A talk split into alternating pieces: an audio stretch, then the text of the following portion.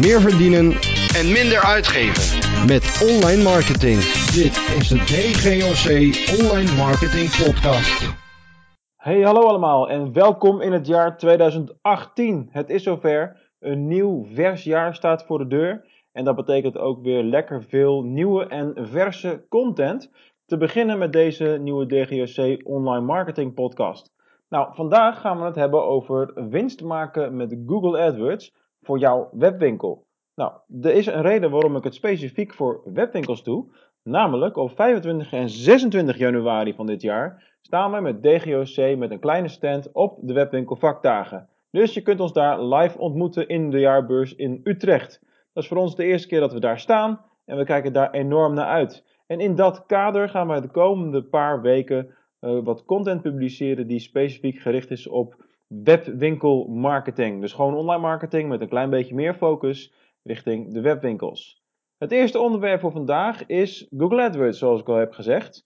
En er is in 2017 nogal wat veranderd. Uh, om te beginnen heeft de complete AdWords interface een complete facelift gekregen. Ja, daar zit je dan met je boek, handboek SEA, iets meer dan een jaar geleden verschenen. Nog net allemaal in de oude interface. Ik denk ongeveer drie kwart jaar geleden begon het dat de beta-versie van de nieuwe interface uh, live ging bij Google. Op dit moment is dat officieel nog steeds een beta-versie. Maar de kans dat je nu al in de nieuwe interface werkt is denk ik meer dan 90%. In zoveel gevallen zien we al dat de nieuwe interface wordt gebruikt.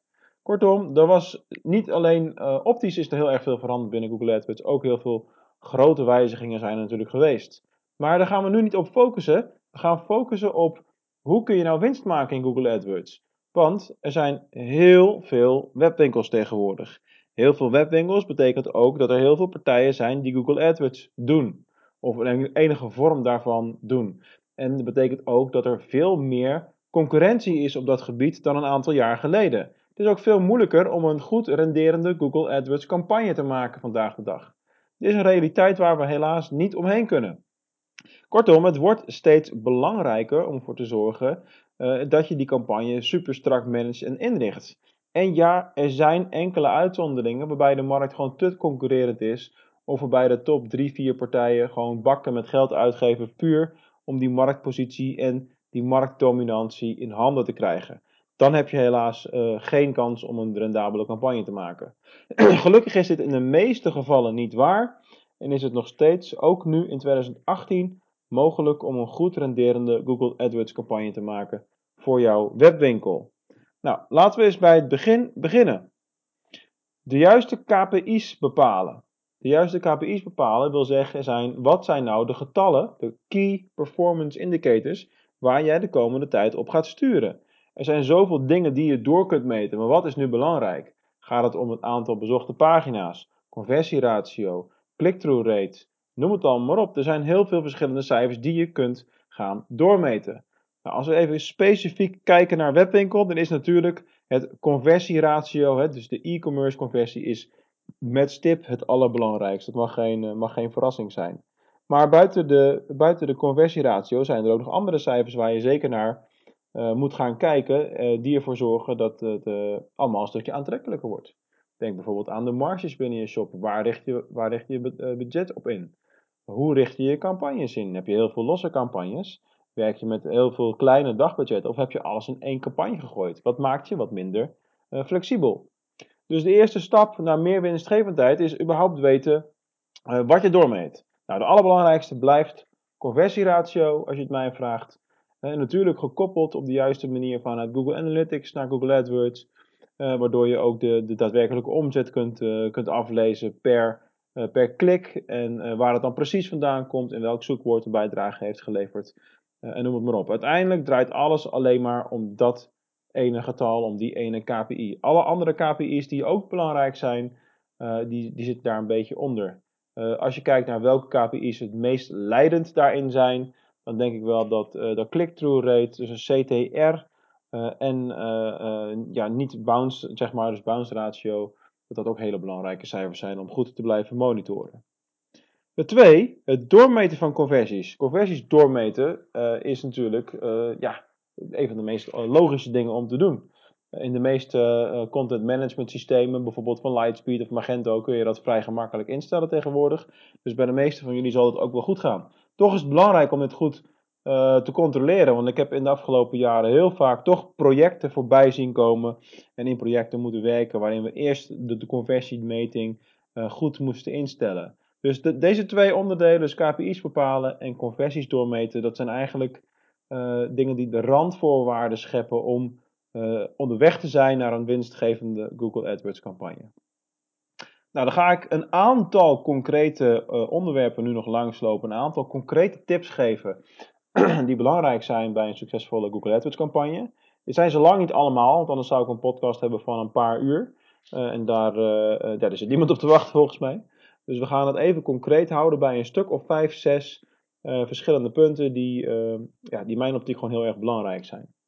1. Advertentieplanning inzetten. Dit is iets wat denk ik een van de meest vergeten dingen is. Ik heb er recent nog een artikeltje over geschreven, dus, uh, dus kijk daar ook eens naar. Of een podcast wat specifiek alleen over advertentieplanning ging.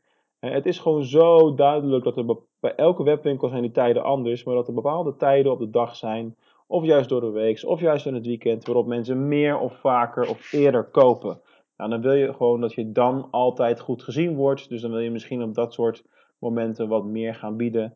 En je wil op momenten waarop mensen duidelijk minder vaak een aankoop doen, maar bijvoorbeeld misschien alleen oriënteren, uh, daar wil je wat minder in beeld komen en wat minder vaak uh, ja, de portemonnee trekken, zeg maar. Dus vergeet advertentieplanning niet in te zetten. Het tweede uh, belangrijke onderdeel in mijn optiek is, nog steeds wordt dat heel weinig gedaan, is het apparaten apart analyseren. Nou, kijk dan naar mobiel, naar tablet en naar desktop. Um, je ziet natuurlijk in de afgelopen jaren dat veel conversie is verplaatst van desktop naar mobiel. Deze trend is zo duidelijk zichtbaar en is zo belangrijk om te gaan volgen. Wat gebeurt er bij jou in de shop? Zie je daadwerkelijk dat er ook steeds meer bestellingen mobiel binnenkomen? Want mijn ervaring is, is dat het nogal kan verschillen afhankelijk van wat het soort product is wat je verkoopt. Dus bij de ene webwinkel zie je dat tot 50, 60 procent van de bestellingen al via mobiele apparaten binnenkomen. Waarbij het bij bepaalde andere types webwinkels juist helemaal niet gebeurt en dat het heel erg laag getal blijft. Dus dit moet je echt goed uh, analyseren. Nou, heb je dat in beeld, wat je apparaten apart doen, dan kun je ook daar met botaanpassingen aan de slag.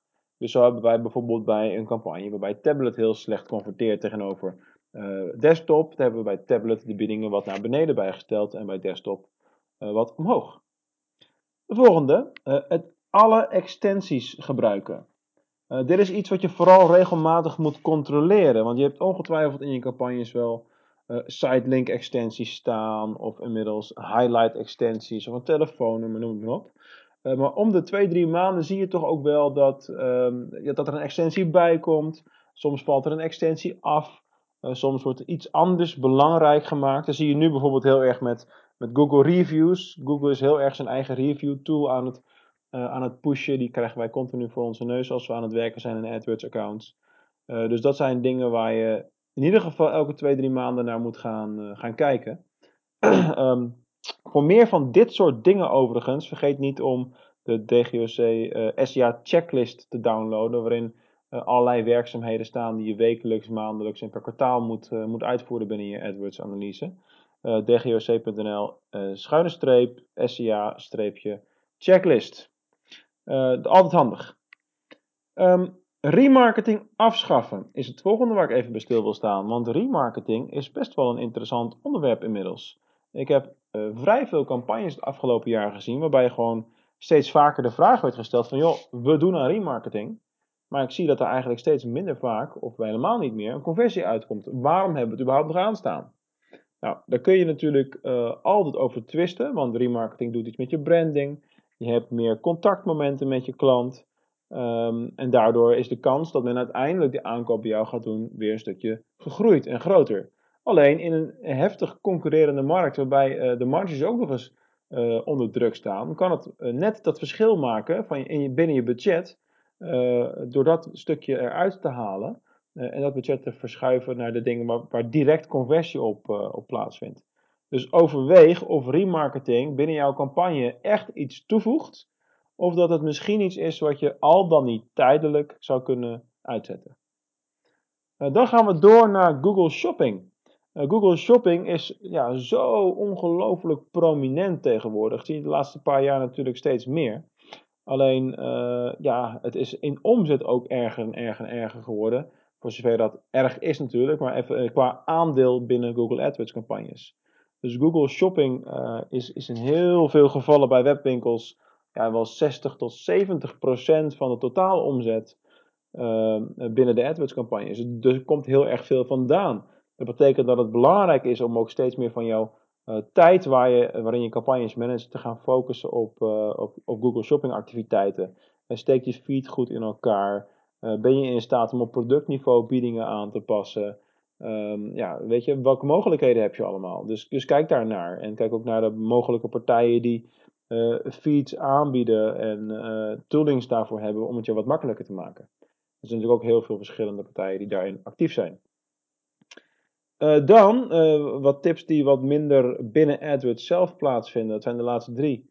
maar wat meer een, ja, een breed algemene verhaal kennen, zeg maar. De eerste is sturen op marge. Uh, afhankelijk van het soort product wat jij hebt, kun je ook uh, overwegen om heel specifiek bepaalde productgroepen wel te adverteren en bepaalde productgroepen niet. Ik heb bijvoorbeeld genoeg uh, partijen in mijn portfolio waarbij de marges op bepaalde producten maar 10% zijn en de andere producten 30 tot 40%. Nou, dan wil je natuurlijk wel adverteren op die producten waarbij de marge hoog genoeg is, omdat je dan meer winstgevendheidskans hebt. Dus het kan ook een invloedfactor zijn om daarop te gaan lopen sturen.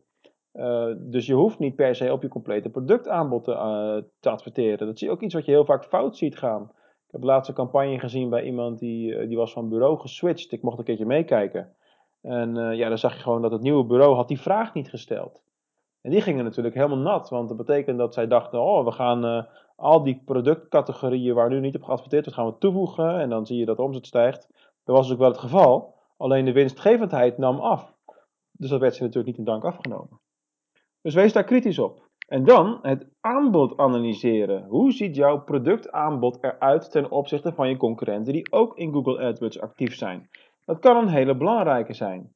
Wij hebben bijvoorbeeld een aantal projecten waarbij bleek dat uh, er werd gezocht op, uh, ja, ik kan nooit hele specifieke dingen noemen natuurlijk, maar er werd gezocht op bepaalde type producten.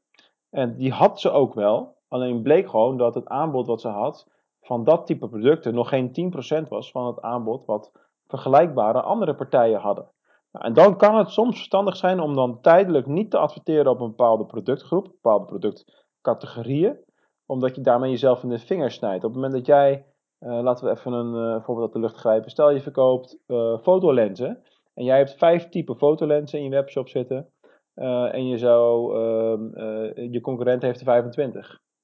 Weet je, de kans dat de conversie bij jou plaatsvindt is gewoon heel erg klein. Dus op het moment dat jouw aanbod niet concurrerend is, dan kun je ook beter even niet adverteren op die producten. Dus, en tot slot, de laatste, uh, het laatste waar ik eventjes op wil, uh, wil doorhameren, is het optimaliseren van je conversie.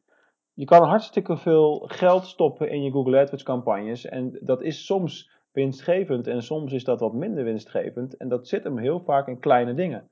Stel dat jij een gemiddelde orderwaarde hebt van uh, 50 euro en je conversiewaarde, of je conversiepercentage in de shop is 2%. Nou, dat is een dat aardig begin, hè? afhankelijk van je situatie natuurlijk. Maar wat nou als jij in staat zou zijn om ervoor te zorgen dat niet 2% een aankoop doet, maar 3%? Dat zou zoveel verschil kunnen maken in je omzet, dat het verstandig is soms om niet gelijk allerlei geld in Google AdWords te, uh, te investeren, maar om te gaan kijken naar hoe krijg ik het conversiepercentage omhoog. Hoe zorg ik ervoor dat er minder mensen afhaken in mijn webwinkel?